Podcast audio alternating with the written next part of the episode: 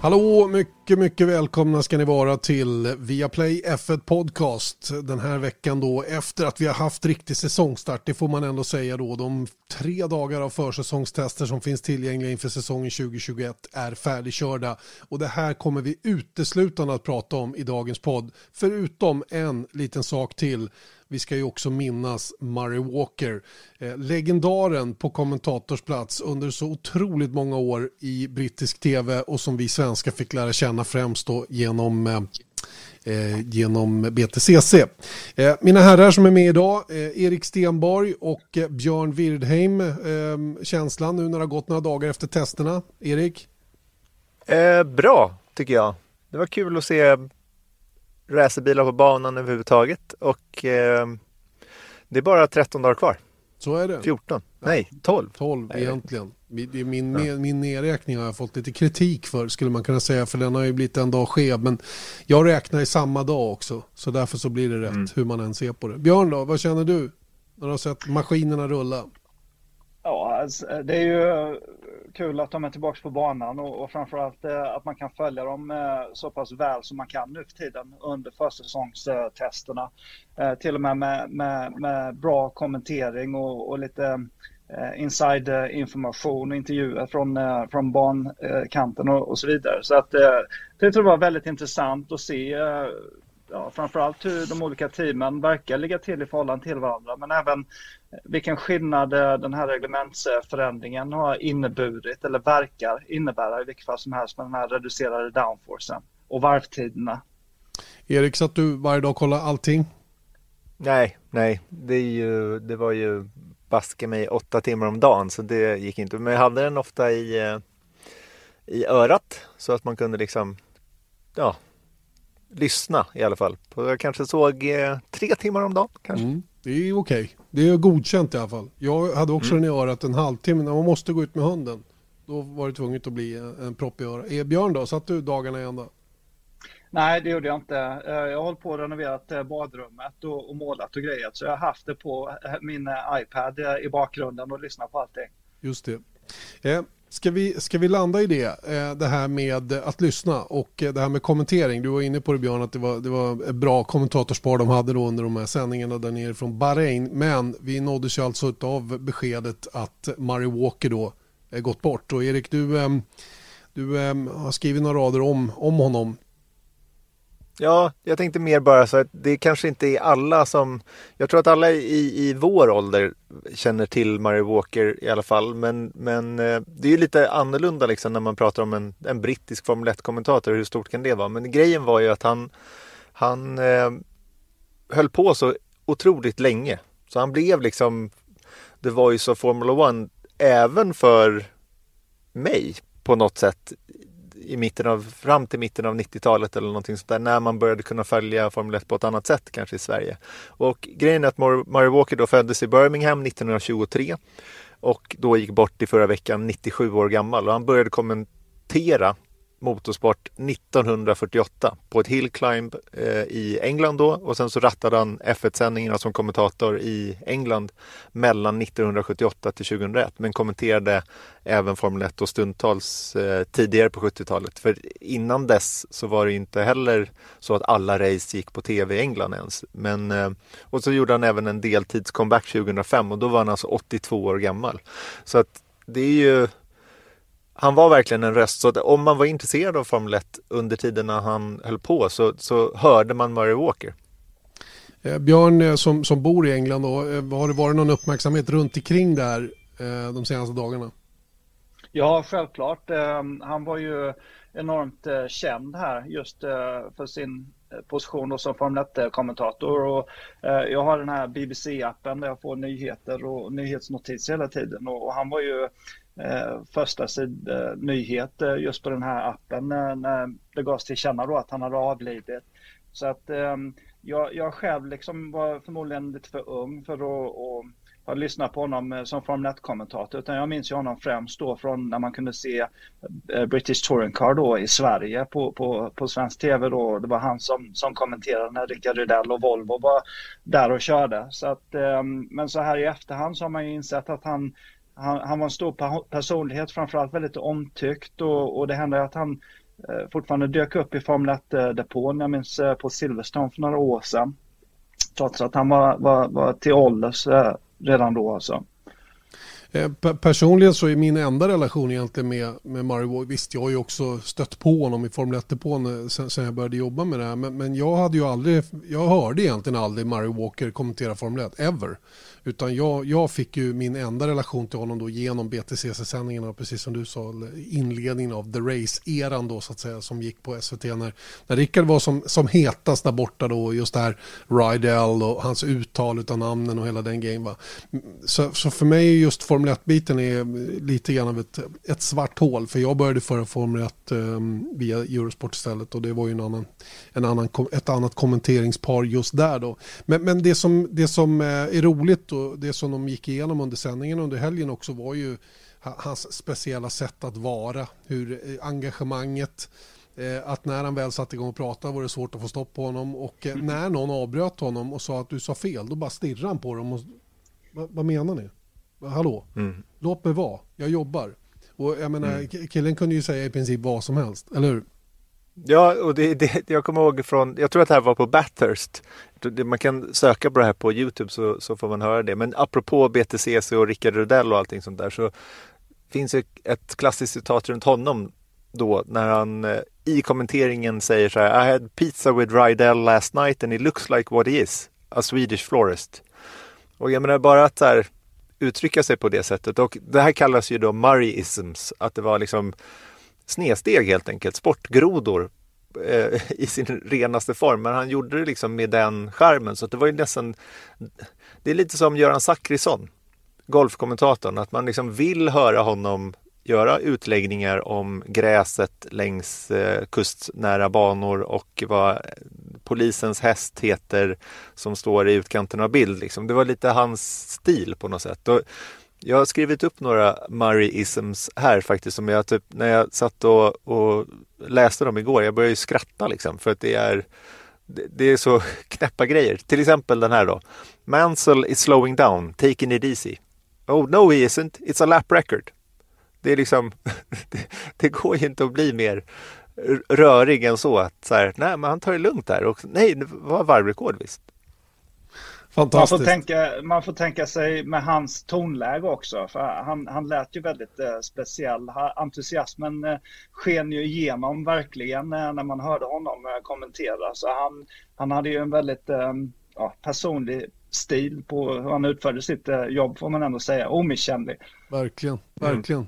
Mm. Jag satt och funderade lite grann på om en person som Murray Walker då var i sitt esse då, ska vi säga under ITV-eran kanske, eller till och med under BBC-eran då innan ITV tog över och det blev kommersiell tv utav Formel 1 i England och hur när han var som, ja, som hetast så att säga, om, om, om hans sätt att jobba hade fungerat idag. Om man, om, med, med just de här Murrayisms som kom en och annan lite då och då. Vad tror ni? Jag vet inte, det känns som att det har blivit så mycket mer seriöst eh, nu för tiden och det är så mycket viktigare sporten har blivit mer avancerad till att börja med eh, och eh, det, det, är svårare att hänga med i allting som, som händer nu för tiden än vad det var, skulle jag tro, för, för 20-30 år sedan. Alltså. Ehm, men liksom var sak har, har sin tid och, och, han funkade väldigt väl och, och, och liksom personifierade hela Formel 1 här i England under just eh, den perioden. Men ehm, eh, ja, jag vet inte vad mer man ska säga för nu har de ju haft eh, Ben Edwards som, som ersatte honom så småningom och som, som var väldigt duktig på sin sak på sitt sätt och, och nu för tiden Crofty. Så att um, James ja, Allen. Det, är olika, ja, James Allen dessutom. Mm, så att det, det, det, är olika personer som, som gör det på sitt eget personliga sätt men, men alla gör det bra tycker jag. Mm. Det var väl främst James Allen som klev in på ITV då när, när han väl gick i pension då och, och, bestämde sig för att han skulle sluta. Då. Som Erik sa så gjorde han ju sen en deltidscomeback då 2005. Eh, någon mer Murray SM Erik som du vill dela mer av? Låt oss avsluta med en i alla fall som jag tycker är, är bra. There's nothing wrong with this car except that it's on fire. Det är väl en bra det är väl en bra eh, avslut på eh, sektionen om Murray Walker. Just det. Alright, det om detta. Vi minns Mary Walker med faktiskt ett leende på läpparna. Det är oerhört tragiskt när någon går bort. Men han var trots allt 97 år och jag, jag blir glad när jag tänker på Mary Walker och vad han har åstadkommit under sin livstid. Så att, eh, väldigt, väldigt mycket den känslan går jag vidare med. Eh, nu ska vi då landa lite grann i de här testerna då som har varit de här tre dagarna. Det är ju till att börja med lite udda då att de bara har fått tre dagar den här säsongen. Eh, och det var också reaktionerna från många av förarna vilket ni kommer att höra så småningom också att det var väldigt kort om tid. Eh, Max Verstappen snabbast när vi summerar tiderna. Egentligen är ju headline-tiderna inte så himla viktiga men ett ämne som är intressant att diskutera det är ju varför det diffar så mellan toppteamen också rent fartmässigt. Och det här med sandbagging är ju någonting som det pratas om alltid, eller hur Erik? Ja, det är ju det. Och det kan man ju bara titta på. Jag menar, vi, vi kan ju inte ens säga om det är sandbagging eller inte. Men om man tittar på en resultatlista från ett test så stämmer liksom inte den överens med verkligheten om man tittar på sista dagen till exempel, eller totala tiderna. Vi hade ju som sagt då Förstappen snabbast, Sunoda var, var tvåa, en knapp tiondel bakom Förstappen. Hamilton var först eh, femma, över en sekund bakom Förstappen. Eh, och Förstappen hade dessutom trafik på sitt snabbaste varv. George Russell var sexa i Williams, före Daniel Ricciardo i McLaren. Och det är lite det här som, som är grejen att även om man inte ska kalla det sandbagging så, så kan man ju konstatera att teamen på något sätt aldrig maxar. Eller någon kanske gör det, men inte generellt sett. Vilket gör att allting där blir väldigt eh, rörigt. Och jag har liksom aldrig riktigt kunnat förstå det där. För vad är problemet med att faktiskt visa hur snabba man faktiskt är i det här läget? Det är två veckor till första racet. Vill man inte ge eh, sina förare i minsta fall då chansen att testa en, en, ett riktigt kvalrun för att få det i kroppen liksom innan, innan man ska kvala om två veckor på, på, på lördag. Men eh, de gör inte det helt enkelt och jag har bara svårt att förstå det. Och det är där, därför jag tycker att det är värt att ta upp det i en sån här podd när vi ska gå igenom alla team, eh, team för team. Just det. Ska vi börja hos Björn då som faktiskt är racerförare och, och som, som har suttit i den här situationen att när man håller på att förbereda sig inför en säsong så vill man ju naturligtvis köra så bra och optimerad som det bara går för att åtminstone ha fått en, en, en känsla för det. Håller du med om det? Ja, det är klart. Eh, ur förarperspektiv så är det ju så att man, man vill gärna liksom eh, få chansen att, eh, att prova på så man vet vad man har att förvänta sig när man väl sitter i en skarp situation. Men jag tror att det är skillnad på sandbagging och, och mycket vad vi ser under testerna för att när det kommer till testerna exempelvis så, så ligger det liksom inte i teamens intresse att sätta bra varvtider utan de är ju där för att utvärdera eh, det här paketet som de har tagit fram med olika modifikationer och så vidare. Och då har man en baseline setup som man förmodligen kommer fram till redan innan man är på plats på banan. Eh, och så man kanske gör vissa småjusteringar på för, under, under första dagen och sen håller man förmodligen fast vid den samtidigt som man byter ut olika delar.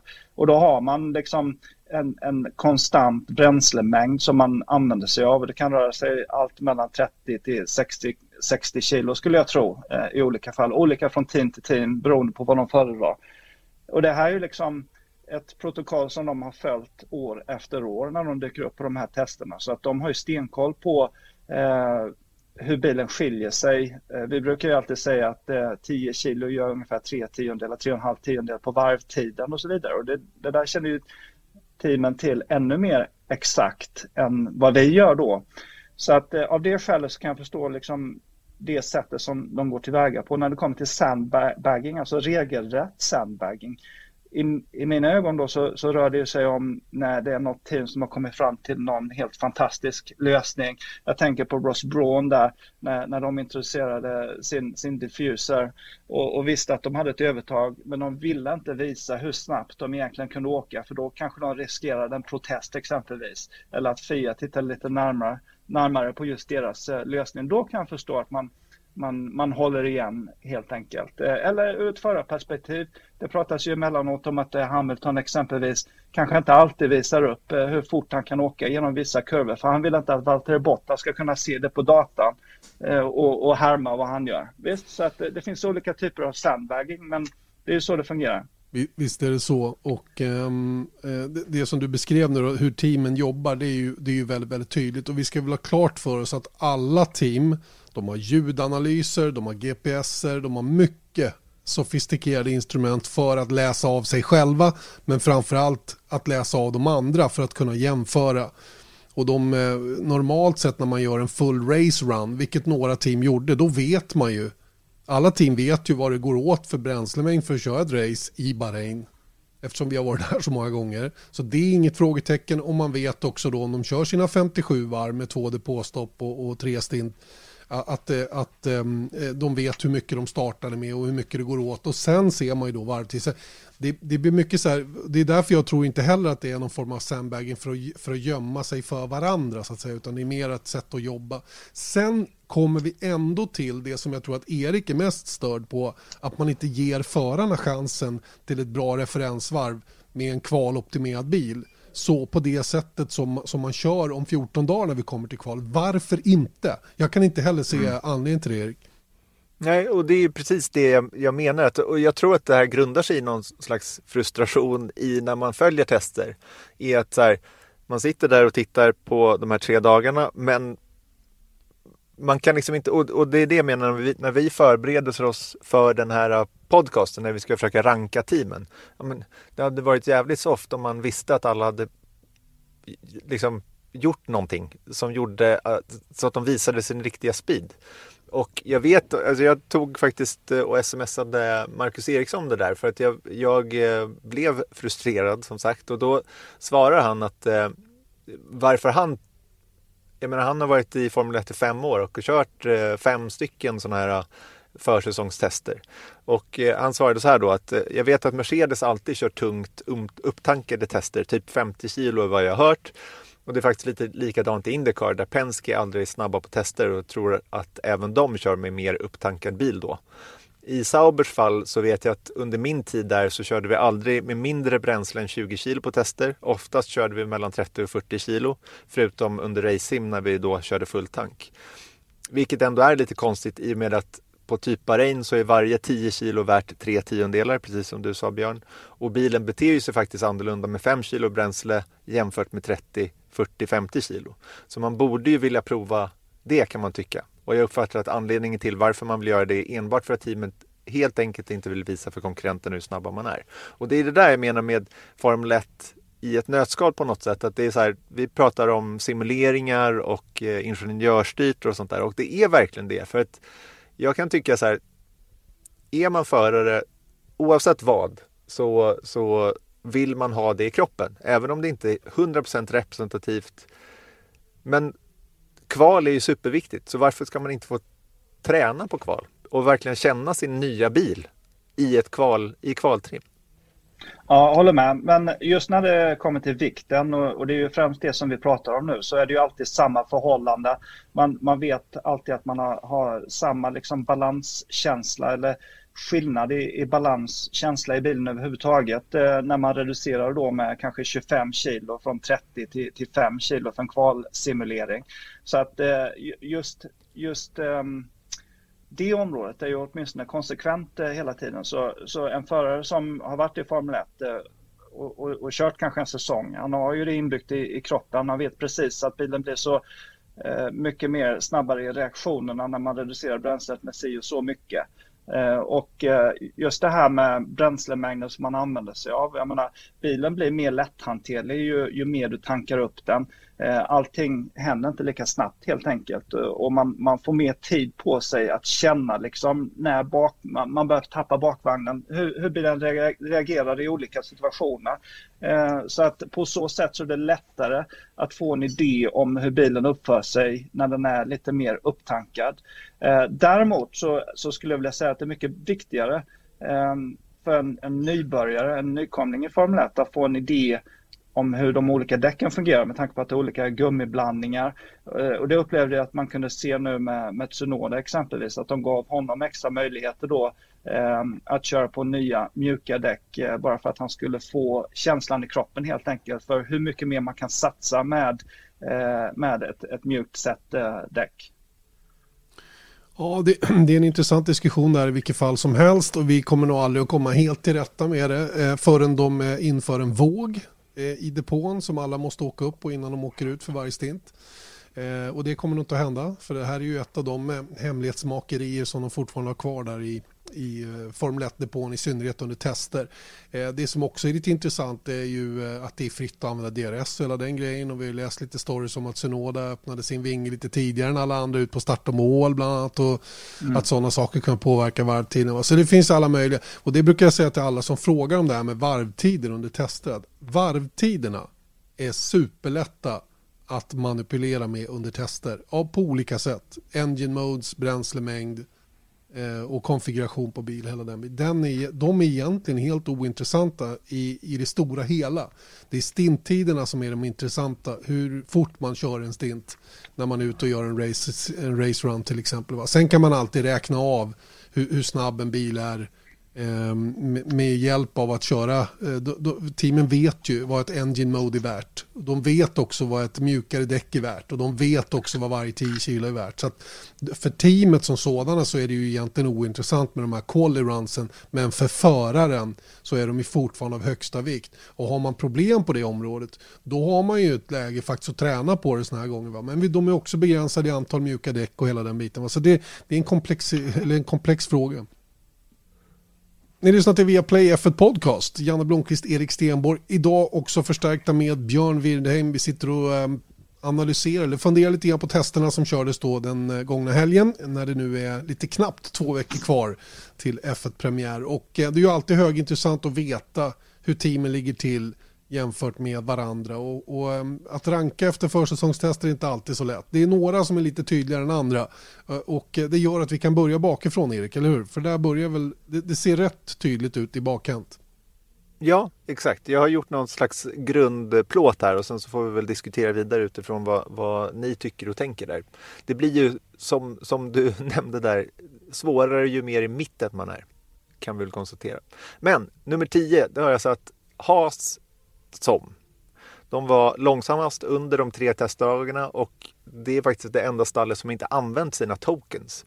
De verkade dock liksom stabila tycker jag, men det var verkligen inga liksom blixtar och dunder runt det teamet. Ehm, jag vet inte vad du säger Björn, det är väl lika bra du får börja. Så kan jag fylla på. Ja, alltså, vi resonerade ju om, eh, om Haas eh, i förra veckans eh, podd och, och, jag hade inga större förhoppningar på dem. De har själva sagt då att den här specifikationen som de börjar säsongen med är ju samma som eh, i stora drag i vilket fall som helst de kommer att avsluta året. Men de lägger alltså inga resurser på utvecklingen av den här bilen utan fokuserar istället på nästa års eh, reglemente. Jag vet att de hade vissa mindre uppdateringar som de testade. De hade bland annat en sån här cape som eh, sitter under framnosen. Men eh, tidsmässigt så, så var de ju inte med direkt och, och det är klart att de, de har två stycken nykomlingar Ehm, som förare i Mazepin och, och, och Schumacher. Men eh, det är också förare som hade bra erfarenhet av den här banan i vilket fall som helst. Eh, så att eh, eh de borde inte ha några större problem att, att komma ner på varvtider som är representativa för vad den här bilarna är kapabel till. Nej, och är det på det viset då ser det ju lite jobbigt ut för dem för de var inte speciellt snabba alltså under testerna. Jag tycker dock att de har den svagaste line-upen och det är väl inte så konstigt att de har det heller med tanke på att de båda är två nykomlingar då och den tredje nykomlingen då eh, Jocke Sonoda som vi ska prata om en stund, han sitter ju då kanske i lite bättre material. Så att eh, vi får se lite grann hur de kommer att klara sig, men jag är helt enig med båda er två om att Haas är längst bak.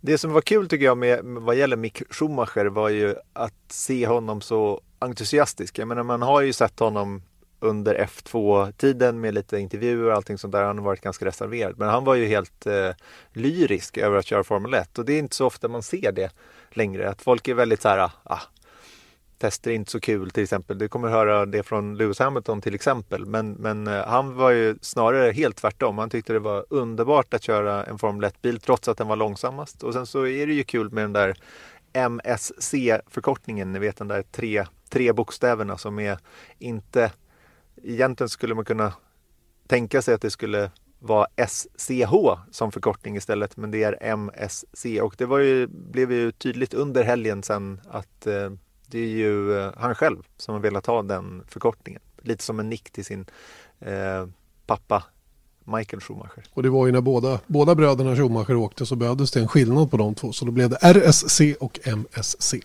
Så att fullt rimligt att välja den, den eh, förkortningen då för, eh, för eh, Mick Schumacher. Nia då? Har du lagt vilka då? Williams har jag satt som nia. De var sjätte snabbaste tid och sexa på listan över antal varv. De körde 373 stycken delat på Russell Latifi och Roy Nissani. Ehm, och jag bara läste den här analysen då. Tydligen så har de liksom medvetet letat efter peak downforce i bilen för att hitta liksom, och det är väl antagligen för att de hade så lite i fjol. Ehm, men det har i sin tur då enligt teamet själva då gjort eh, bilen väldigt, väldigt känslig för vind. Ehm, och det blir väl så att när den inte är så stabil aerodynamiskt så, och de verkligen försöker hitta en, en topp i, i downforce eftersom de haft så lite så, så blir det väl så. Jag får inte ihop det eh, riktigt. Jag satt och, faktiskt och, och, lyssnade tidigare på Gary Anderson som gjorde en analys eh, på, på Williams-bilen. Och eh, han hade en bra poäng där. För jag menar, om det nu verkligen är som så att de har optimerat den här bilen för, för peak eh, downforce eh, och det får till följd då att den, den blir väldigt känslig för vind. Eh, så ska man ju minnas att eh, turbulens och, och, och kastvindar är i princip samma sak och den där Williams-bilen kommer befinna sig i rätt så mycket turbulens eh, under året. Eh, jag kan tänka mig att de kommer kvala så där himla mycket bättre än, än kanske eh, i mitten av mittfältet. Eh, så att eh, den kommer ju bli extremt svårkörd i, i sådana fall. Mm, det ligger nog en hel del i det. Eh, de säger i alla fall själva också att det kommer att bli en hel del jojo-effekt med den där bilen under året. Den kommer att ha dagsform eh, så att säga då. Att bilen fungerar eh, så som den är designad i år bättre på vissa banor än på andra. Eh, de har ju generellt saknat downforce. Eh, det har de i likhet med, med Alfa Romeo. Eh, de har en väldigt låg downforce. Analysen är annars att den har känts ganska körvänlig bilen som jag läst mig till och även kunde se att det var liksom inga, den hade inga hyss för sig. Det är bara att den saknar generellt grepp. Vilket gör att de måste åka långsammare genom, genom eh, kurvorna framför allt. Och det är där de tappar tiden så att säga. Då. Vi får väl se lite grann när de, när de eh, kommer igång här. Då. Men, men eh, vi kan räkna med att den, vissa dagar kan den göra jättebra ifrån sig och andra dagar lite mindre bra ifrån sig. I förhållande till vad man kan förvänta sig. Då. Men helt klart är de nia i mina ögon också. Det är ingen, det är ingen tvekan om saken, Erik. Nej, alltså inga jättekliv helt enkelt. Men de, de kan säkert ta en poäng eller två. Det är väl ungefär det som man kan förvänta sig i, i bästa fall. Men det, grejen är ju också att det här mittfältet är, känns väldigt tajt, vilket vi börjar snudda vid nu, eller hur? Så är det. Åttonde plats, vilka har du satt där? Alfa Romeo och det är en svår position tycker jag. De, de körde mest av alla tillsammans med ett annat team som jag glömt bort. Eh, flest varv alltså. Och eh, de hade liksom inga direkta problem vad jag kunde se. De satte fjärde bästa tid genom Kim Räikkönen. Eh, de, de, ser liksom stabila ut. Kan absolut vara med på riktigt i mittfältet men jag skulle inte tro i alla fall att de utmanar om liksom plats position 4-5 någonting sånt där utan snarare någon gång kanske men det känns som att de är längre bak i mittfältet än, än så. Mm. Vad säger du Björn? Det känns som att de är försiktigt eh, optimistiska. De gjorde 422 varv. Eh, jag tror att det var Kimi Räikkönen som gjorde tre race-distanser sista dagen om jag inte minns eh, fel. Så han borde ha varit rätt så, så trött efter det där. Men ehm, för min, för min del så, så handlar det mycket om den här Ferrari-motorn som vi har snackat så mycket om tidigare och hur mycket de har hittat i motorn då tillsammans med, med bilar. Men jag tycker det verkar som att de, de börjar närma sig mittfältet. Ehm, Ja, ungefär som, som man hade kunnat räkna med. Mm. Jag tror också att de är i bakkant av mittfältet. Eh, men jag tycker ändå att eh, man såg, man såg ändå glimtar av att eh, det är, en, det är, en, det är en, ett bättre paket totalt sett. Ehm, de har inte kunnat gjort några dramatiska förändringar på den. De har jobbat framförallt i fram på bilen med sina tokens. Det betyder att de inte har tagit den nya, lite mer slimmade växellådan från Ferrari. Utan de kör med den gamla ihop med den nya motorn då. Ehm, eh, valde att lägga fokus på, på en stark framända och det hänger säkert ihop lite grann med Kim Räikkönens önskemål. Han vill ju ha en, en, en bil som är väldigt stark i fram Eh, jag, jag, jag, tror att den här Ferrari-motorn är klart bättre i år. Eh, man, man, eh, det blir också så här, många gissar och, och, och, försöker komma fram till hur mycket starkare då, men, men eh, en siffra som har nämnts är typ 40, 40 någonstans mellan 40-50 hästkrafter och det är rätt mycket ändå som man hittar bara.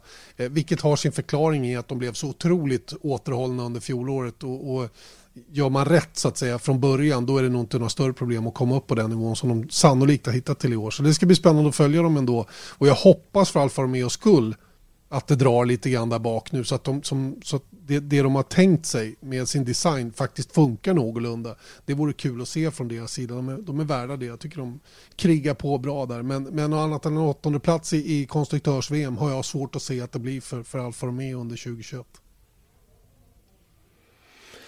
Då är vi framme vid sjunde platsen tror jag och nu börjar det bli riktigt svårt. Jag, jag ska sluta med de här disclaimerna men, men eh, svårt är det baske mig. Och jag satt alpin på sjunde plats. Och jag har svårt att ta ögonen från deras gigantiska luftintag ovanför förarnas huvuden. Det ser inte klokt ut alltså. Det ser ut som en del delfinmage. Jag vet inte ja, vad jag ska säga om det. Det, det. det, är ju en designfilosofi de har valt i år där, där um, de uppenbarligen vill göra bilen mer slimmad runt uh, sidepods och, och hur indraget blir ner mot Coca-Cola-midjan uh, så att säga då, runt motor och växellåda. Eh, och då var man ju tvungen att flytta upp vissa grejer och gjort den där trade-offen. Och sen får vi se om det betalar sig eller inte. Det, det är lite svårt att bedöma alpin efter testerna också. Jag vet inte, jag, man, de var varken fågel eller fisk på något sätt. Jag vet inte hur du känner Björn. Man blir alltid förvånad när man ser någon, en, en sån lösning och, och på det sättet som de har gått tillväga med de här komponenterna som de då har, har flyttat upp i bilen. För jag menar, normalt sett så är man ju van vid att alla, alla teamen de försöker få, få ner tyngdpunkten så lågt eh, som bara möjligt. Och, och alpin de har gått tvärt emot men de, de upplever uppenbarligen att de tjänar mer Eh, på den extra downforcen som de lyckas generera genom eh, den här avsmalningen av bilen i nederkant eh, för att det ska löna sig. Men samtidigt så får det andra konsekvenser också. Om man tycker man lite högre tyngdpunkt så, så vet jag att det, det får negativa inverkningar då på däcksdegradering exempelvis. Så att de är svårbedömda. Det var kul att se Fernando Alonso tillbaka i bilen för det känns inte som att han, han var borta direkt. Eh, jag tycker inte man kan peka på någonting som säger att han har, han har stått vid sidan av Formel 1 de senaste två åren. Jag har också någon sån där intressant statistik om eh, Fernando. Alltid när han kommer till ett nytt team så blir teamet en halv sekund snabbare. Det låter nästan som någonting taget ur Fantomen, men, men tydligen så stämmer det faktiskt. En skröna, en skröna, en kanske sann skröna, jag vet inte. Nej, men det, det går ju så mycket surr om hur bra han är och vilken påverkan. Det är lite som eh, vi idag kanske får reda på att Zlatan ska spela i svenska landslaget igen. Det är, det är så för och emot. Va? Zlatan är skitbra men kanske påverkar gruppen negativt. Och Alonso har lite samma, ja. han har lite samma rykte om sig, eller hur Erik? Ja, men det är faktiskt en bra, bra liknelse tycker jag också. Men det var just också att jag, jag tänkte liksom att ja, men vad kul det kommer vara att se Alonso i intervjuer. Men sen så när jag kollade på alla intervjuer efter alla dagarna där så det kändes så här, ja just det, Alonso också. Alltså det känns inte som att han, jag menar, hans liksom presence på något sätt har liksom aldrig lämnat Formel 1. Trots att han var där 2018 på start och målrakan i Abu Dhabi och gjorde donuts så känns det som att så här, nej, han var där 1920 också. Det var liksom för att hans liksom ande på något sätt låg över Formel 1 som en, som en låg filt. Men sett till teamet då, att det, är vi överens då att de kanske inte man kanske inte noterade något jättekliv framåt. De ser lite samma sak ut som Alfa Romeo, stabila ut, men man vet ju inte vad de försökte göra så det är svårt att säga exakt om, om position. Men det, det, det stabilt liksom, men inte någon, inget jättekliv framåt jämfört med deras förra inkarnation som Renault i fjol, eller hur? Nej, och jag är lite nyfiken på det här för de hade ju vissa banor som passade dem bättre än andra och de har fått ett bredare fönster för hur den här bilen fungerar och så vidare med de begränsade möjligheter att göra förändringar på bilen till i år som man har haft. Så att det blir, äh, det, blir, det, blir, eh, det ska bli spännande att följa dem helt klart. Va? En sak är ju helt säker, Esteban och Conny man inte jätteavundsjuk på. Han kommer att få det svintufft i år. Alltså, det där är nog den tuffaste platsen i Formel 1 man kan ha överlag, kanske jämte Max Verstappen. Jag satt och tänkte på samma sak faktiskt. Eh, häromdagen. Eh, jag tänkte, nu, nu vet jag inte hur, hur det ligger till i tidsramen, men det kanske var ett av skälen till varför Ricardo bestämde sig för att inte fortsätta med det där teamet, att han visste att Alonso skulle komma Eh, och, eh, och ta platsen bredvid honom i, i sådana fall. Jag tror han är en jättesvår teamkamrat att ha, eh, Fernando Alonso. Och jag menar, Ocon, ja, ah, han gjorde bättre ifrån sig eh, mot slutet av förra året, men han hade rätt så tufft med Ricardo i början av säsongen i vilket fall som helst. Men avslutningsvis då, alpin. Jag menar, de, de låg i den här gruppen och fightades med vad som nu är Alfa Romeo och, och McLaren och, och, kunde vara jämna och till och med bättre än de två teamen. Eh, men när det kommer till just alpin så, så känner, känner jag det att de är fortfarande kvar på samma nivå. Det går inte att säga så mycket om dem. De kan vara bra i ett race och, och de kan vara lite sämre än något annat beroende på bana som, som ni poängterar då. Men uh, Skillnaden är det att förmodligen Alfa Romeo och McLaren, de, de verkar ha förändrat sig. Du tänker Alfa Tauri? Eh, nej, eh, ja, Alfa Romeo, eh, Racing Point. Jaha, du tänker Aston Martin ja. alltså? Det är många A, det är många A nu Björn. det här känns inte bra, det här måste du träna mer på. Apropå Aston Martin Erik, Ja, och där har jag satt eh, Aston Martin som sexa då i den här eh, rankingen och jag tror faktiskt verkligen att de är snabbare än sexa. Men jag sätter dem där eftersom de hade så mycket problem. De hade turbo, eh, jag vet inte om det var ett ras, men de hade problem med turbon. De hade elfil, det är inte så konstigt, det är en brittisk bil. Jag sitter på, på British Motor Group och väntar på min brittiska bil som har faktiskt inte elfel just nu, men det är, det är ett mekaniskt fel. Eh, och sen så hade de även problem med växellådan som är då Mercedes då. Och Vettel menade att han hade tappat 100 varv på alla de här problemen över de här tre dagarna under hans körpass då. Och körde aldrig en, en så kallad performance run heller, så att han, han ligger ju liksom bakom, skulle jag gissa. Och även Lance Stroll och hela teamet. Ska vi höra vad Vettel själv har att säga om de här tre dagarna, eller sista dagen kanske framför allt? No, but uh, still I think it was a very productive day. We I got uh, a lot of laps um, to know the car better. So uh, that was very useful, and I really liked that. Um, it did help me a great deal. So unfortunately, we didn't get everything done that we planned on, but um, yeah, still uh, you know the first races for everyone was with such limited amount of testing. Mm-hmm it will still be a lot that we have to, everybody will have to learn about their cars, these tires in particular. Uh, the cars have been changed quite a lot, even if they look like minor changes, but they make quite a big difference on, on, on the cars. So I think the first first races will be important to get into a groove properly, to get to understand your car, learning you know the setup, which directions to take to make it work.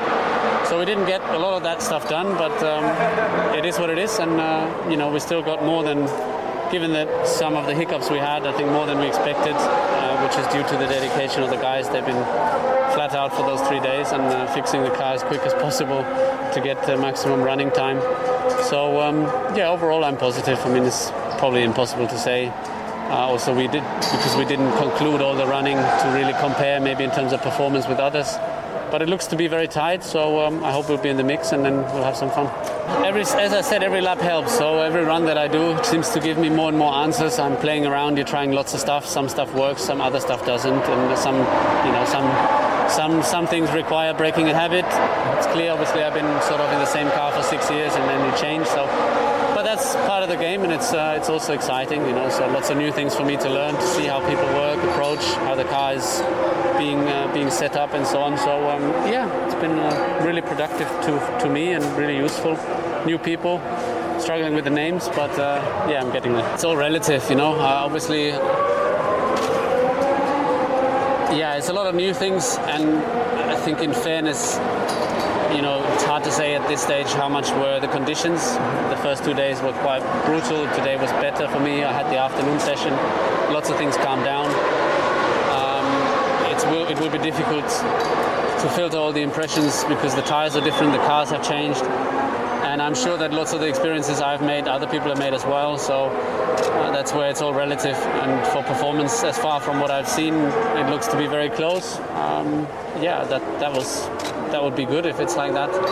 Um, so yeah, I think uh, Red Bull looks very strong. Mercedes, everything then being at the top would be a surprise to everyone.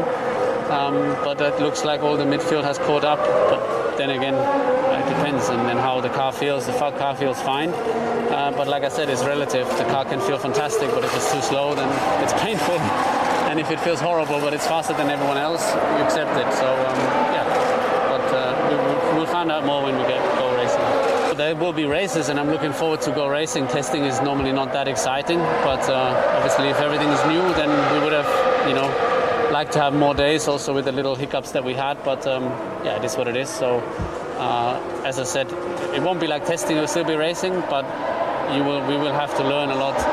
And everybody will I think it's not just us and it's not just the lack of laps here but uh, everybody in the first couple of races will learn about their cars their tires more and more. So um, naturally you are at a different state when you approach the middle or the end of the season than the beginning. Sebastian Vettel där alltså pratglad får man ändå säga eh, om sina möjligheter då. Men, eh, men det är väl ingen tvekan om att han hölls tillbaka av eh, de tillförlitlighetsproblem som, som teamet hade. Eh, Björn, de har ju gjort ganska radikala förändringar på den här bilen. De har gjort ett helt nytt chassi, det kan man se tydligt om man jämför bilder mot förra året till i år. Eh, det är ingen Mercedes-kopia i, i, samma utsträckning längre. Visst, de har ju hela bakänden från Mercedes förra året och, och allt annat som, de, som går att köpa så att säga. Men de har gjort en ansträngning här till i år. Ja, eh, det verkar så, verkligen. Men de har ju också hållit fast vid, vid samma det här low rake-konceptet eh, eh, som Mercedes använder sig av. Och det är inte så konstigt med tanke på att det, det funkade så pass väl för dem förra året. Men det är en vidareutveckling av, av den här bilen och, och det är ju team liksom som har fått ett rejält tillskott när det kommer till budget och, och som helt plötsligt har, har större medel att röra sig med. Så att jag tycker inte att man fick någon direkt idé om hur de verkligen låg till i förhållande till de övriga och framförallt inte sina närmaste konkurrenter. Jag tänker på McLaren och eh, Alpin. Eh, det enda som jag har som frågetecken när det kommer till Aston Martin då, det är väl hur deras low rake koncept fungerar då. För jag tyckte att Aston Martin såg lite skakig ut, även Mercedes såg lite skakig ut. Kan det vara ett tecken på att eh, eh de här aerodynamiska reglementsförändringarna har påverkat de här två teamen negativt. Mm. Det finns en del som pekar åt det hållet, men lyssnar man på experter så är ingen riktigt, ingen vet egentligen det här med low rake och high rake. Vilket som är, det är ju helt uppenbart att low rake, eller en flat rake, har funkat absolut bäst under den här hybrideran. Men att en, en high rake var innan dess det, det koncept som funkar allra bäst. Och de som kan aerodynamik menar att high rake är kanske det allra bästa om man hittar rätt. Men det är så svårt att hitta rätt. Så det, där är, det där är lurigt. Alltså. Men, men tendensen har varit lite grann så som det har pekat, eh, som, som du är inne på Björn, med, med att de kanske lider mer i år eh, än förra året av den här förändringen. Då. Erik, du slänger in en liten eh, subjektiv bedömning på slutet också. Ja, att bilen var väldigt snygg tycker jag. Ja. Nej, ja jag vet inte vad som är vad. Jag tycker bara att den var snygg. Man såg inte färgen på den tycker jag. Den såg svart ut på håll. Och den var väldigt så här, den var ganska smutsgrön på något sätt. Jag vet inte, militärgrön. Den kanske ska vara kamouflerad. Jag vet inte. Ja, det är väl coolt. Det är väl ungdomligt och häftigt med lite camo. Perfekt, mycket bra. Nåväl, den är grön i vilket fall som helst, även om den inte var så tydligt grön på tv-bilden åtminstone. Eh, vi går vidare raskt i listan, Erik. Nummer fem, Alfa Tauri har jag satt där. Och jag tror att Alfa Tauri, som vi var lite inne på tidigare i podden, var ett av de få team som verkligen försökte maxa, kanske genom att ge Yuki Tsunoda chansen. Eh, så och de är såklart inte en tiondel, eller mindre än en tiondel från Red Bull, för nu var de ju tvåa då sett till snabbaste varvtid under testerna. Men, men de känns starka och lite tack vare att Red Bull och Honda känns starka så känns de också starka på något sätt. Det är liksom min eh, konklusion i, i, i min eh, mage helt enkelt. Den är nog inte helt fel. Vi tar och lyssnar på Jocke Synoda också då, hans reaktion efter de här dagarna som, som blev väldigt bra, näst snabbast. Yeah, especially this um, today was really really good um, day. Um, good progress, no issues, and just I, I, can I just drive, I just focus on my driving. So um, that's I want to. So that was really good. Yeah, these two days I had a we had a little bit. Um, yeah, a little bit um, bad, bad luck um, days. But yeah, yeah, this today we put all together, and uh, I think mechanics and uh, Honda did a really really good job, and uh, there was no issue. And, um, was really comfort, comfortable to drive whole day, whole session, and achieved 91 laps. So um, that was really really good um, testing. Well, uh, definitely I enjoy C5, the soft, soft most uh, soft one tire. Uh, big grip. Uh, like I never had experience like that grip. Um, yeah, like even I, even when I was testing if Imola or Imosano, much less grip because it was uh, I think um, so yeah, so uh, def- definitely I enjoyed it, and uh, also from there we had a good um, data from there. So um, well, today was really really um, enjoyable day. Um, also the, for the learning for my driving and also for the tire, especially I did a race simulation, whole whole race simulation, and also for the tire management side, um, I had a good step forward and good data for the Bahrain, and so uh, was good. Mm, mycket att eh, samla in i form av information då för Jocke Sunoda. Den är eh, kanske intressantaste rookien. Eh, med all respekt för både Nikita Mazepin och Mick Schumacher så är jag faktiskt mer nyfiken på Jocke Sunoda. Dels för att han, han får ett bättre läge i ett bättre team än de övriga två. Eh, men samtidigt eh, baserat på vad man såg i F2 förra året. Håller du med Björn? Ja, absolut. Eh, han, han är den som är mest intressant att följa till att börja med vilket fall som helst. Det är kul att höra hans kommentarer då om att eh, teamet faktiskt eh, varit noggranna då med att ge honom chansen att eh, eh få erfarenhet då på de, de mjukare sätten däck, eh, de som är eh, de svåraste att komma underfund med när det kommer till att få den här sista tiden. Jag tycker bilen ser bra ut. Jag tycker om de här vita fälgarna. Men sen ska man inte glömma heller att ehm, just Alfa Tauri, den funkar ju, verkar funka väldigt bra på just den här banan. Jag tänker på förra året eh, så kvalade ju Gasly åtta och blev sexa i racet. Året dessförinnan så blev han fyra eh, under sin debutsäsong eh, i just Bahrain. Så att ehm, ehm, ja, jag kan nog sätta en slant på, på en bra position för just Alfa Tauri-teamet då. För Gasly är ju också en, en förare som kommer underfund med den bilen på, på ett bra sätt. Så att de har också lite svåra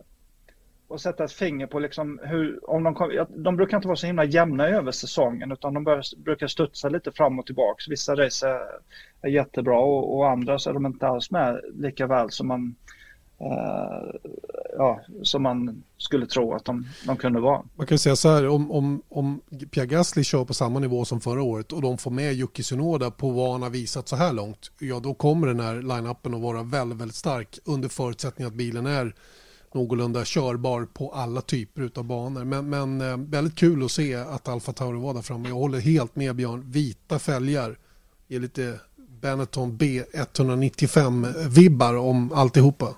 Ser snabbt ut. Det är bra. Vi vet inte vad vi ska säga om de vita fälgarna. Jo, men det ser bra ut. Nu tycker jag i alla fall att vi, vi går vidare till ett team som borde ha guldfälgar, kan jag tycka.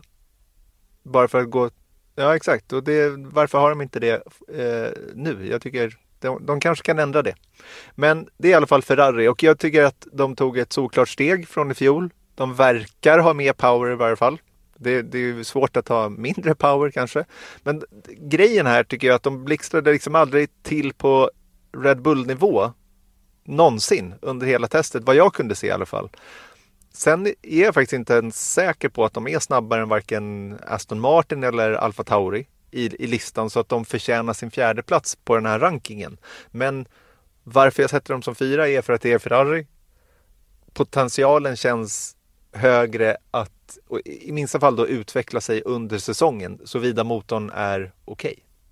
Det är lite så min tankegång eh, går helt enkelt. Mm, rimligt. Vad säger du Björn om Ferrari? Jag är är lite osäker då liksom på, på deras uh, kvalfart uh, framför allt. Uh, då ska man inte glömma det om man tittar på varvtiderna så var ju Tsunoda andra snabbast men eh, jag vet att han använde sig av DRS på ett sätt som inte hade varit tillåtet eh, normalt sett eh, och det skilde väl eh, sex tiondelar mellan honom och, och Sainz. Eh, men sen vet jag också att eh, Ferrari gjorde en, en bra days simulering där de eh, under samma period som Alfa Tauri gjorde, gjorde en själva. Ehm, och då hade de tydligen varit ungefär 10 sekunder snabbare under den race-simuleringen Ferrari alltså eh, än eh, Alfa Tauri. Så att eh, det är ju ingen tvivel om att det ser bättre ut än vad det gjorde förra året i vilket fall som helst. Men hur långt räcker det till? Mm.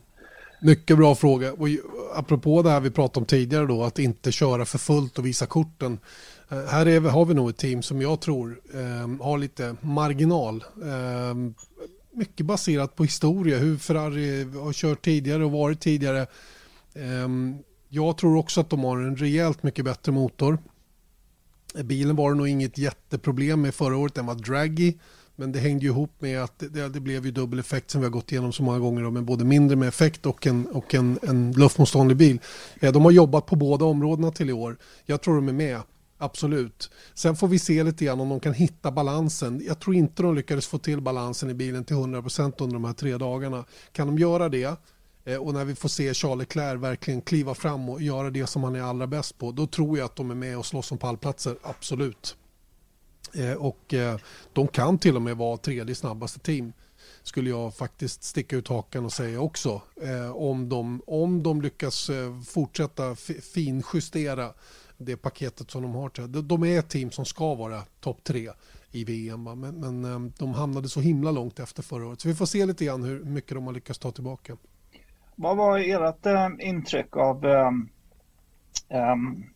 Carlos Sainz i förhållande till Jean, Charles Leclerc. Jag tycker inte att, att, att jag, jag kan inte personligen säga någonting om, om min idé om hur de står sig i förhållande till varandra.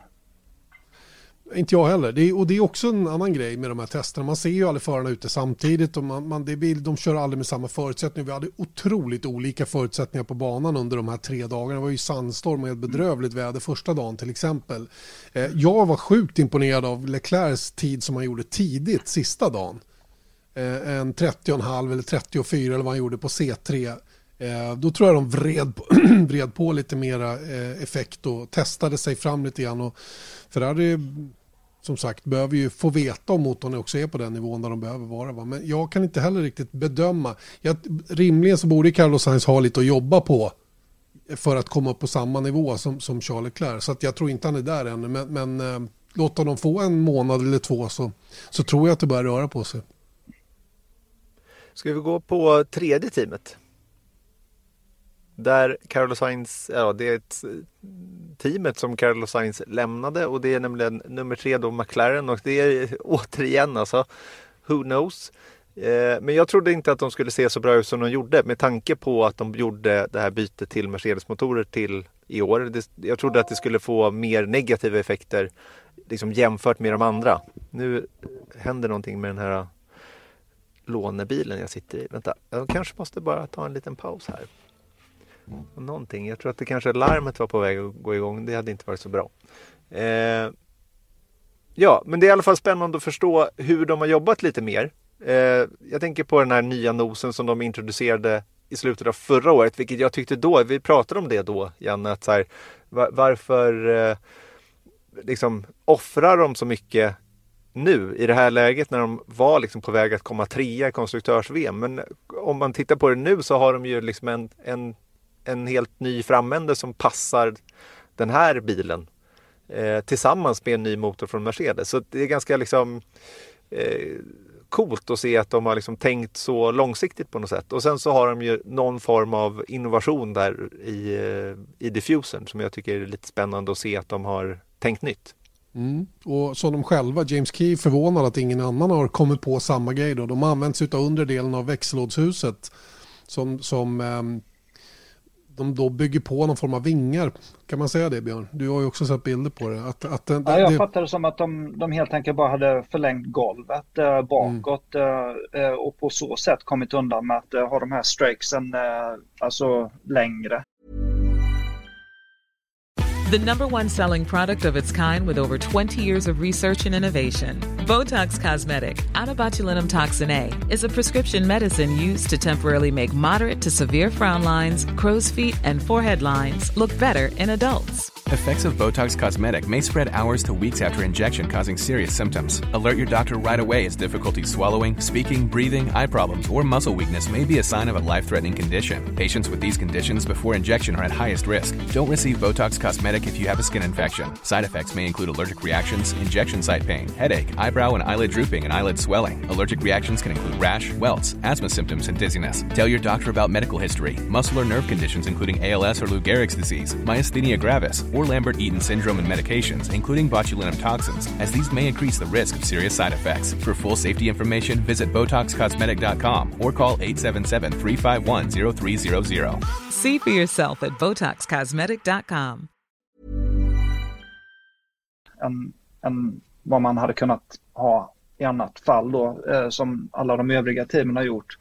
Och det är möjligt att eh, det är en, en sån lösning som faktiskt eh, gör rätt så stor skillnad. Även om det ger lite tidsmässigt så vet vi hur tajt det är i mittfältet nu för tiden. Eh, så att det kan ju få en enorm påverkan påverkan där. Men jag är också imponerad av det där teamet att de inte hade några tillförlitlighetsproblem direkt som man lade märke till. Hela det här bytet till Mercedes-motorn har gått väldigt väl till skillnad från senast de bytte motor till Renault och dessförinnan när det var Honda så hade de ju jätteproblem alltså. Så att eh det, det, är ett gott tecken alltså. Men hela teamet eh, tycker jag går från, ja, från, från styrka till styrka hela tiden och det har mycket att göra med deras management nu. Jag tror mycket på Andreas eh, sida. Mm. Hela upplägget där med, med Zac Brown som gör det han är bra på, nämligen att generera intäkter, se till att teamet mm. är välfinansierat och Andreas Seidel som har det sportsliga ansvaret. De där två är ju så rätt personer på rätt position. Och sen mm. har de nu en föruppställning också där Daniel Ricciardo naturligtvis blir the household name och där Lennon Norris får flyga mm. lite under radarn och, och vi vet ju alla hans kapacitet från förra året. Va? Så att, nej, de där kommer att bli otroligt giftiga i år va? och bilen enligt experter ser lättkörd ut. Eh, gör inga konstigheter, vilket betyder att när du ska pusha den till gränsen så är den, kan du göra det utan att, utan att behöva räkna med några stora överraskningar. Så att, ja, jag, jag får nog säga att jag håller nog definitivt som trea så här långt i alla fall utan att kunna göra något mer än att gissa som alla andra när det gäller bränslemängder och hela den biten. Men utifrån vad vi har sett så här långt. Va? Sen är det mycket, mycket möjligt att när vi kommer till kvalet här om, om en och en halv vecka eh, i Bahrain just så står de där och är 7-8 i alla fall. För att när alla vrider på och optimerar, ja då ser bilden en helt annan ut. Va? Så att, eh, men låt oss se vad som kommer att hända. Eh, då har vi två mm. kvar Erik. Ja, och eh, det, nu, nu kommer en, en extremt svår. Så att jag, jag säger så här, nummer ett, Mercedes eller Red Bull. För att om man ska tro det man faktiskt såg så var väl det ganska enigt bland förståsigpåare att Red Bull såg bättre ut under de här tre testdagarna. Men man är ju, jag är i alla fall väldigt skadad från de senaste åren och då vill jag ta ett citat här från eh, en person inom Mercedes. Eh, och han säger så här, The car felt reasonable but it's clear we have a lot of work cut out for us to be on par with our main rivals. Och det här citatet då kommer från James Allison men inte från i år, utan från Barcelona den 21 februari 2020, alltså efter första testet i fjol. Och sen, kom, sen dök de upp till andra testet med en i stort sett helt ny bil. Det sägs att det, de hade tusen nya komponenter och resten är ju historia. Det var inte direkt så att de blev speciellt utmanade under 2020, Mercedes alltså. Och det vi vet är att idag när vi spelar in den här podden är att Mercedes har sin filming day i Bahrain. Vilket gör då att man börjar direkt tänka på, just i och med att man vet hur det har sett ut för Mercedes under de senaste åren. Att, jag menar, jag tänk 2018 eller 2019 kanske det var. Att så här, jag satt i den här podden och säger så att jag hoppas att Ferrari inte är för dominanta nu så att det i alla fall blir en fight mellan eh, Mercedes och, och, Ferrari. För det är tråkigt om, om, om Ferrari bara avgör mitten av säsongen. Men och sen så blev det som det blev där också. Så att, jag menar, man har ju sett det här en miljon gånger känns det som. Mm. Det, det, är till och med som min hund där bakom börjar bli lite trött på att vi håller på och mm. babblar om Mercedes hela tiden. Eh, men, men eh, det går inte att bortse från dem. Det går inte. Och precis där det du, nu har de inte samma generösa antal dagar och möjlighet att komma med en gammal bil till första testen och en ny bil till andra testen. Däremot så har de säkert en massa nya delar på bilen idag under den här eh, filmdagen. Så att, Eh, men, men, eh, det känns då har man tagit en ruskig chansning eh, om man, om man skulle jobba på det viset. Samtidigt var de det enda teamet som inte gjorde en shakedown innan de åkte till Bahrain. Eh, alla andra gjorde det. Eh, vissa team till och med två. Aston Martin vet jag. Eh, två, de två filmdagarna som finns tillgängliga. Eh, Mercedes kör sin filmdag nu då, efter den här första testen då, för att hitta de sista detaljerna inför nästa helgsrace.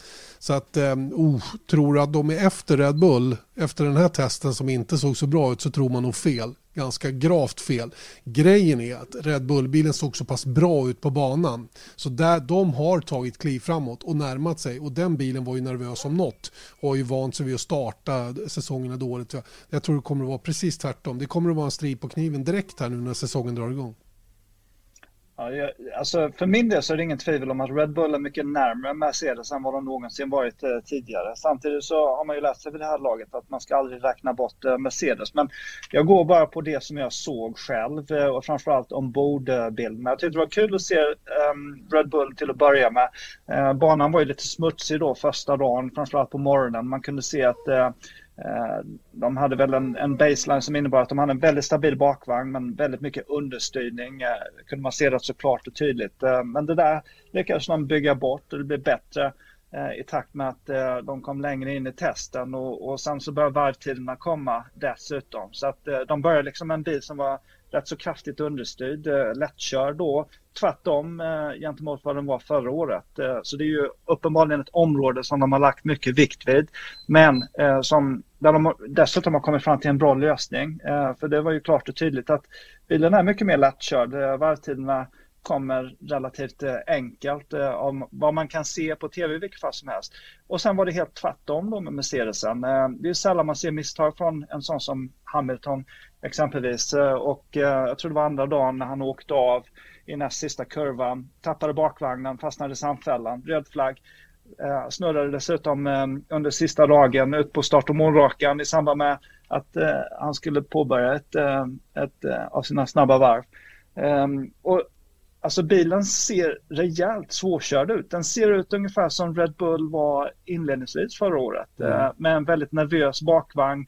Inte bara ingången, inbromsning till kurvor. Och det var just det som var styrkan med Mercedesen. Att de hade en sån positiv framvagn men att eh, bakvagnen höll i. De kunde liksom styra in sent och snabbt och fortfarande inte tappa något grepp i bakvagnen och, och få till en bra varvtid. Och det där verkar de ha förlorat med, med årets bil.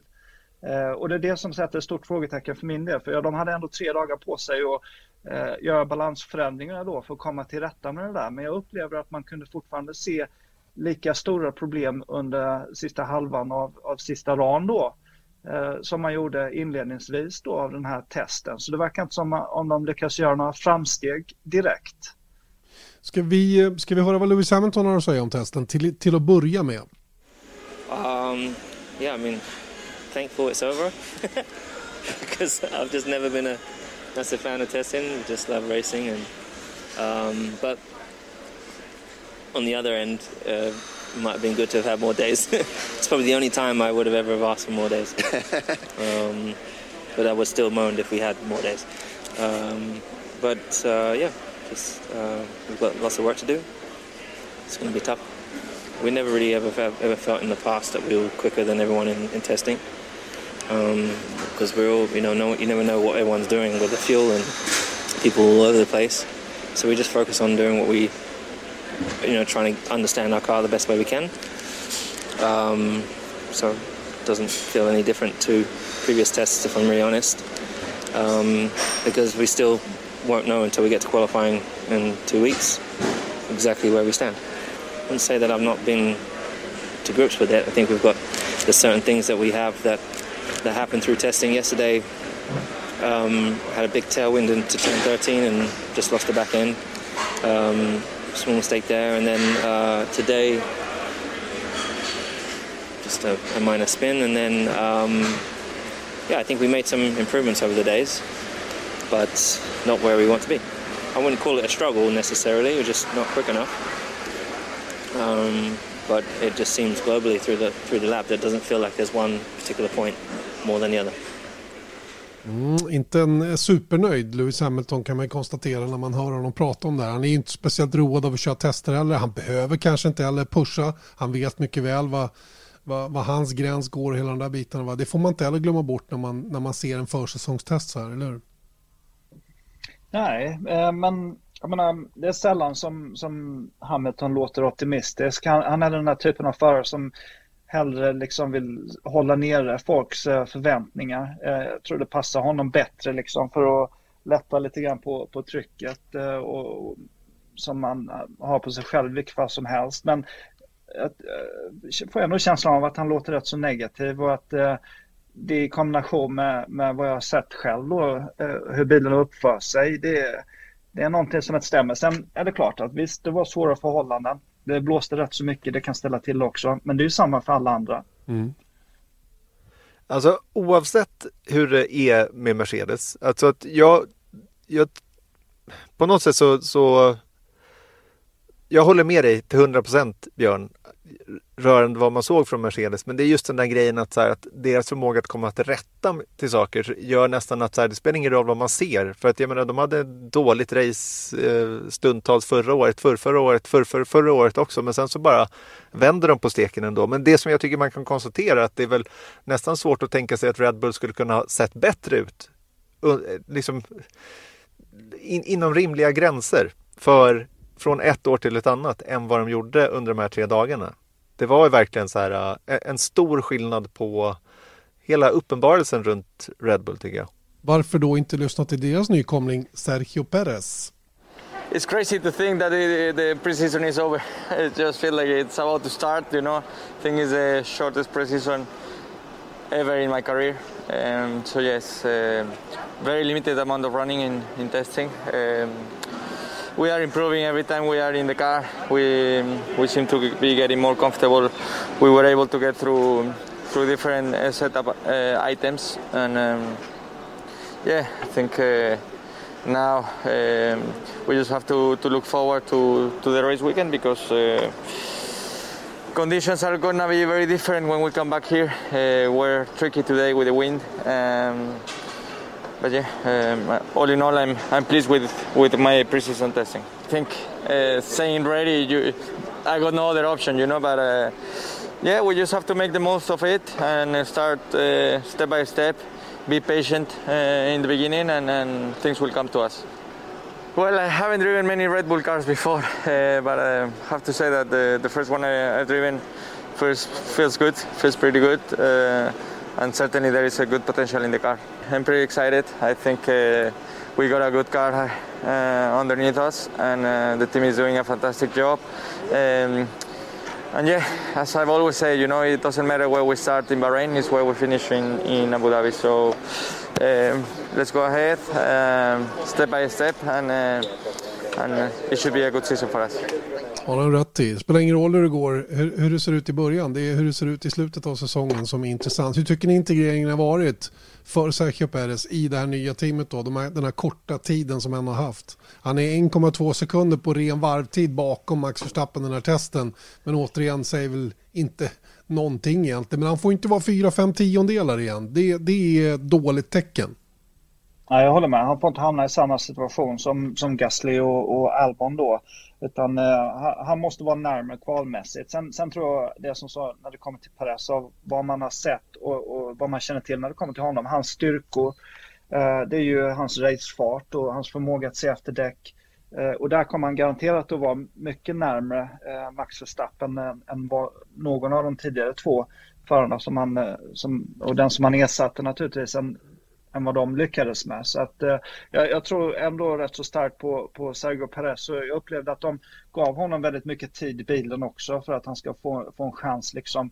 De är medvetna om att eh, eh, alltså, historiskt har de varit rätt så svårkörd. Eh, det är ju ingen tvivel om det, även om den ser lätta, mer lätthanterlig ut nu än vad den har gjort eh, tidigare så, så kommer det förmodligen vara ett rätt så stort steg för honom med tanke på att han kommer då från Racing Point eh, som hade en tvärt emot eh, Red Bull, en low rake eh, bil. Så att eh, det är en helt annan körstil som man måste komma till, eh, till eh, rätta med. Ja, och jag vill också lägga till vad gäller Sergio Perez är att, att det finns en, tror jag, en psykologisk aspekt i det här också. Att jag menar, han har kört, vad är det, över, jag tror att han har kört 191 eller 192 race. Och egentligen aldrig haft en sån här bra chans. Han var i McLaren så, så, såklart, men det var tidigt i hans karriär. Han hade det jobbigt under, de, eh, under den säsongen som han var i McLaren och nu är han potentiellt sett faktiskt i en mästerskapsbil. Han är i slutet av sin karriär i alla fall, även om han inte är lastgammal så är det ändå en sån här grej att det kan vara ett år som de snackar om här för Sergio Perez och det är klart att han eh, vill verkligen ta chansen och jag hoppas också att han, att han får den och kommer igång tidigt så att säga så att han inte behöver liksom den här inkörningsperioden ehm, eh, eh, speciellt mycket i alla fall. Och han får ju såklart inte vara som du sa 4-5 tiondelar bakom förstappen. Så att jag menar jag tror att han har han lägger nog extremt hög press på sig själv i minsta fall. Och jag tänker liksom också att om Red Bull ska göra en mästerskapsutmaning på riktigt det här året, som, som vi alla hoppas, så behöver ju båda två vara där. För att det är svårt att slå Mercedes med en förare. Um, så att uh, jag håller faktiskt ja, tummarna för Sergio Perez, att det ska gå vägen. Inte... Ja, jag håller med. Och, och, och så, jag tänker också på det här om, om, om Yuki Tsunoda nu är så pass bra som han har sett ut och, och gör en bra säsong. Då kommer han ju vara aktuell för, för Perez eh, styrning också eh, inom en rätt så snar framtid. Så är det. Alright, eh, det får bli våran konklusion, sammanfattning av de här tre testdagarna. Hoppas ni har blivit något klokare av eh, åtminstone hur vi ser på saker och ting. Långt ifrån sanningen men eh, vi tror att vi, vi, vi, hoppas ju alltid att vi är hyggligt nära i alla fall. Sen får vi se. Eh, nästa torsdag, hörni, inte nu på torsdag men nästa torsdag, fredag menar jag, då, då, är vi, eh, då är vi igång. FP1 ifrån Bahrain och Bahrains Grand Prix. Ba Erik, ge oss lite heads up nu. Är det några nya roliga coola grejer vi gör i tv-mässigt? Ja eh, men det kan man väl säga. Vi har en, en helt ny studio till det här året som är en otroligt avancerad apparat att få igång. Det kanske man inte tänker att eh, ett, ett eh, rum eh, som man ställer in lite kameror i ska vara så avancerat. Men vi har alltså den här veckan har vi två dagar tekniska tester för att få allt att fungera och sen så har vi två stycken ytterligare dag, testdagar. Vi har en längre försäsong än vad Formel 1-teamen har för att få igång den här studion. Eh, så att eh, den kommer bli någonting annorlunda. Det är en helt alltså digital studio. Vi sitter bara i ett grönt rum egentligen så bygger vi upp eh, en miljö som är eh, ja, digital. Den finns inte på verkligheten, i verkligheten. Jo, det gör den ju, för man kan ju se den.